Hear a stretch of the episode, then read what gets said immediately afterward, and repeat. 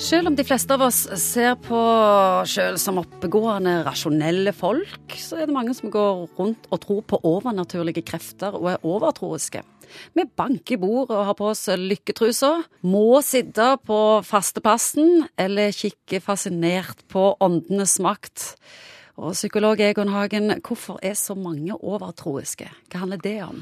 Det er litt det der, tror jeg Vi har jo snakket om religiøsitet tidligere som en, et forsøk på å skape mening og sammenheng og hode hale på denne tilværelsen. Jeg tror overtroen er litt denne tangerer litt denne religiøse eller uh, overnaturlige tilbøyeligheten som kanskje mange har med seg. Er det en avart av religion, kanskje?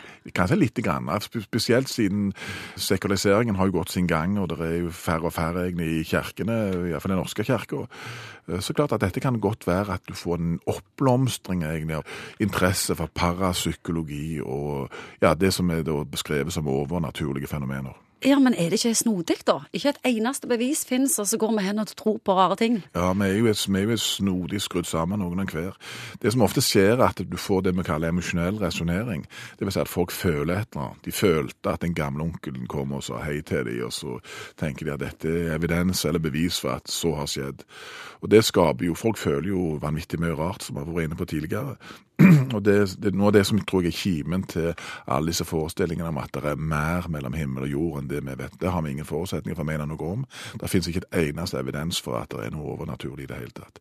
Men folk vil tro det likevel. Skarpe, utdanna mennesker holder på med ritualer for å vinne en kamp eller bestå eksamen. Massevis av kunnskap har de. Åndens makt tror de på. Ja.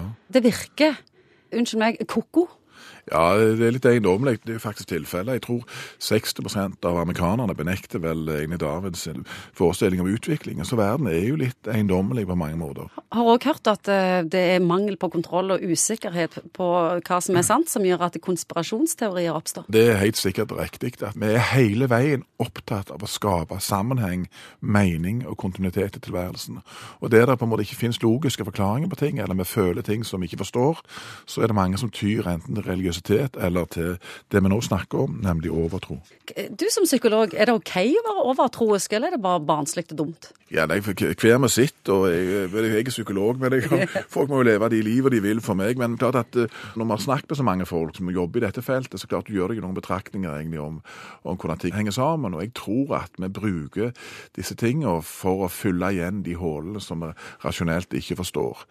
Men så klart at noen kan jo òg bli deterministisk overtro. Altså De kan på en måte få en sånn pessimisme i forhold til hvordan ting kommer til å bli.